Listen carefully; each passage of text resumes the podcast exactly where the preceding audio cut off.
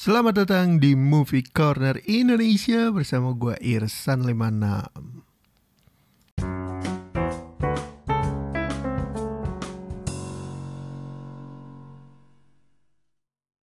Bucin. Tema dari hari ke-12 Hmm. Untuk rekomendasi film ya tentu aja lo orang udah tahu ya Karena filmnya juga udah rilis Film Bucin atau Web Sebuah Netflix original series Dan kebetulan gue udah pernah bahas film ini Jadi kalian bisa scroll-scroll aja untuk uh, rekomendasi di episode-episode awal gua. Main-main lah ke episode lama gua lah. Hitung-hitung melihat proses berubahnya gua dari yang awal-awal sampai yang versi 30 hari bersuara. Oke, okay, mungkin langsung kita ke pembahasan tapi uh, gue mengawali podcast ini bukan dengan membahas filmnya karena gue udah bikin di episode sebelumnya ya. Jadi ke situ aja kalau mau tahu tentang pembahasannya. Nah, untuk bucin, gue heran sih. Uh, mungkin wave bucin ini terkenal semenjak jargon bucin di viralkan, diramaikan oleh uh, salah satunya Andovi dari Skinny Indonesian 24 gitu ya kan. Bucin atau budak cinta, penafsiran gue adalah orang yang akan melakukan segalanya demi pasangannya bahkan dia rela diperbudak oleh pasangannya. Nah, bucin ini um, menurut gue adalah salah satu bentuk toxic relationship gak sih? Karena ya gimana ya, ketika lo melakukan segalanya, merelakan diri lo diperbudak oleh pasangan lo, menurut gue itu udah gak sehat men. Wah gila sih. Dan gimana ya nyebutnya ya? Seolah-olah itu lumrah gitu atau kayak ah bucin lo bucin lo. Terus kayak iya gue emang bucin. Gue kan melakukan ini demi dia demi uh, cinta dia. Wow wow wow wow wow wow wow. Calm your tits bitch enggak enggak gitu men enggak gitu lu kayaknya nggak tahu berarti definisi berpacaran yang seru atau berpasangan yang asik. Berpasangan yang asik tuh ketika kedua belah pihak tidak ada yang saling menuntut, tapi saling berbagi. Apa yang dibagi? Kebahagiaan. Gitu. Nah rata-rata nih orang yang terjebak dalam bucin itu, sorry to say, mereka ini tuh orang-orang yang uh, needy, haus akan cinta, haus akan kebahagiaan yang harus didapatkan dari pasangan. Oh iya kalau pasangan gue senang, gue juga akan senang kok. Terus kalau dia ngambek, gue harus beliin dia hadiah atau beliin dia makanan yang mahal. Atau harus selalu nurutin tempat nongkrongnya dia yang hedon. Aduh, aduh, aduh, aduh, aduh, itu salah banget bro, sis. Tolonglah, come on. Hal-hal kayak gitu yang gak bikin lo menikmati perjalanan untuk mengenal pasangan lo. Ya karena lo diperbudak di dalam sebuah toxic relationship ini. Gue suka kesian gitu kalau kadang lihat orang atau temen di circle gue sendiri gitu ya kan. Yang kayak gitu.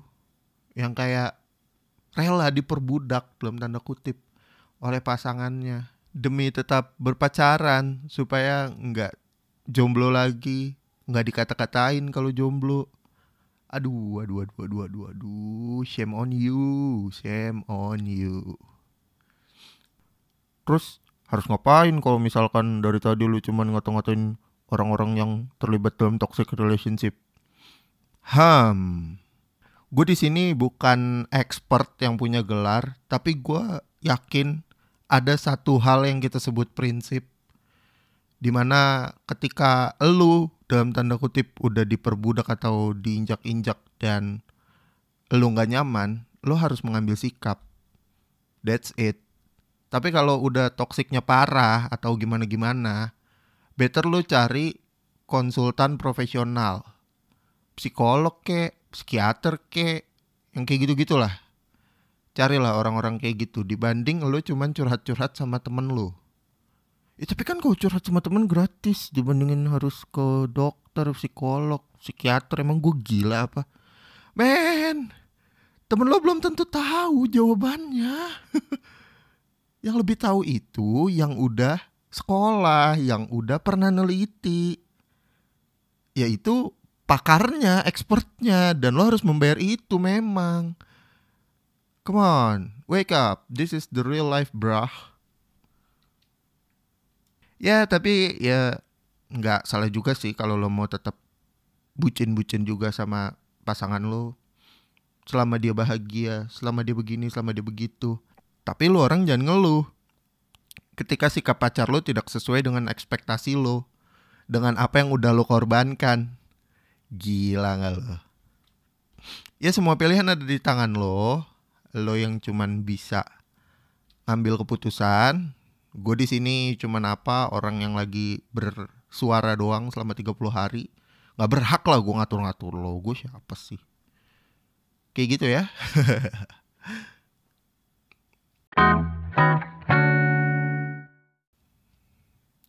Anyway, ayo kita bahas film bucin. itu tadi bahasan di depan apa? Itu kayaknya bukan Irsan 56 tuh. Nggak tahu lah itu siapa lah. nah, terkait film bucin, uh, eh, gue sempat beberapa kali ngobrol sama temen gue, terus mereka kayak bilang, sebenarnya ceritanya itu biasa aja tahu. Ih, kok lu ngasih skornya tinggi sih San dibandingin gua karena menurut gua itu harusnya 5 dari 10 atau lima setengah dari 10 atau 6 dari 10 Um, oke, okay. jadi gua ngasih skor waktu itu kalau nggak salah 8 per 10 Gua mengaku itu gue cuman buat caper aja. Jadi harusnya ya 7 lah paling enggak Karena gua appreciate dengan caranya Chandra Leo mengeksekusi film ini Terus uh, ceritanya yang seringan itu bisa dinikmati siapa aja. Terus ya kualitas filmnya berbeda dengan film-film Indonesia lainnya yang menurut gue lebih bagus. Jadi gue kasih 7. Ini ralat ya dari gue ya by the way. Jadi untuk skala film bucin ya 7 lah dari 10. gitu guys. Nah kalau teman-teman gue juga pada protes gini. Eh, ceritanya kok nggak kompleks nggak complicated atau konfliknya kok gitu-gitu doang. Come on man, apa yang lo harap Pin. Secara portofolio kan lo udah tahu mereka youtubers yang lagi bikin film.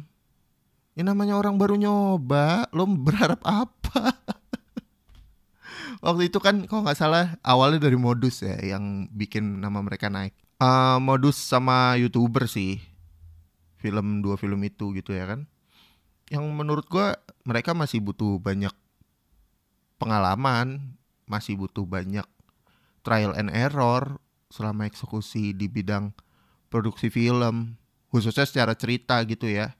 Tapi gue yakin sih potensi mereka bisa untuk dapetin suatu saat film yang bakal keren banget bagus banget.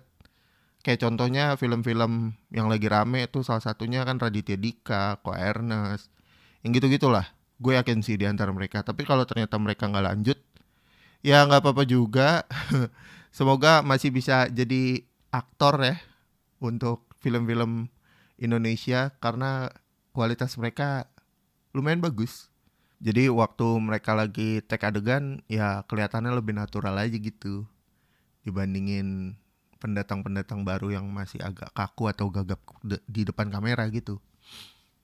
So mungkin itu aja untuk uh, pembahasan film kali ini. Film bucin udah pernah gue bahas di episode sebelumnya, jadi lu cek aja ke situ.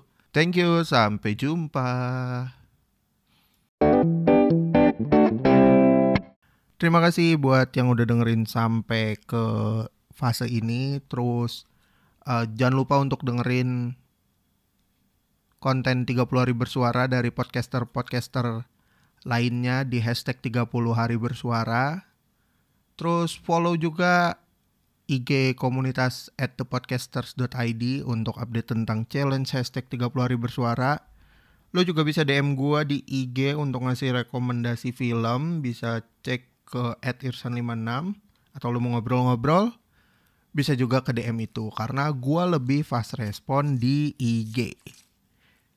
So, itu aja mungkin untuk bahasan kita di episode kali ini. Sampai ketemu di episode selanjutnya. Gue Irsan 56 pamit. 叫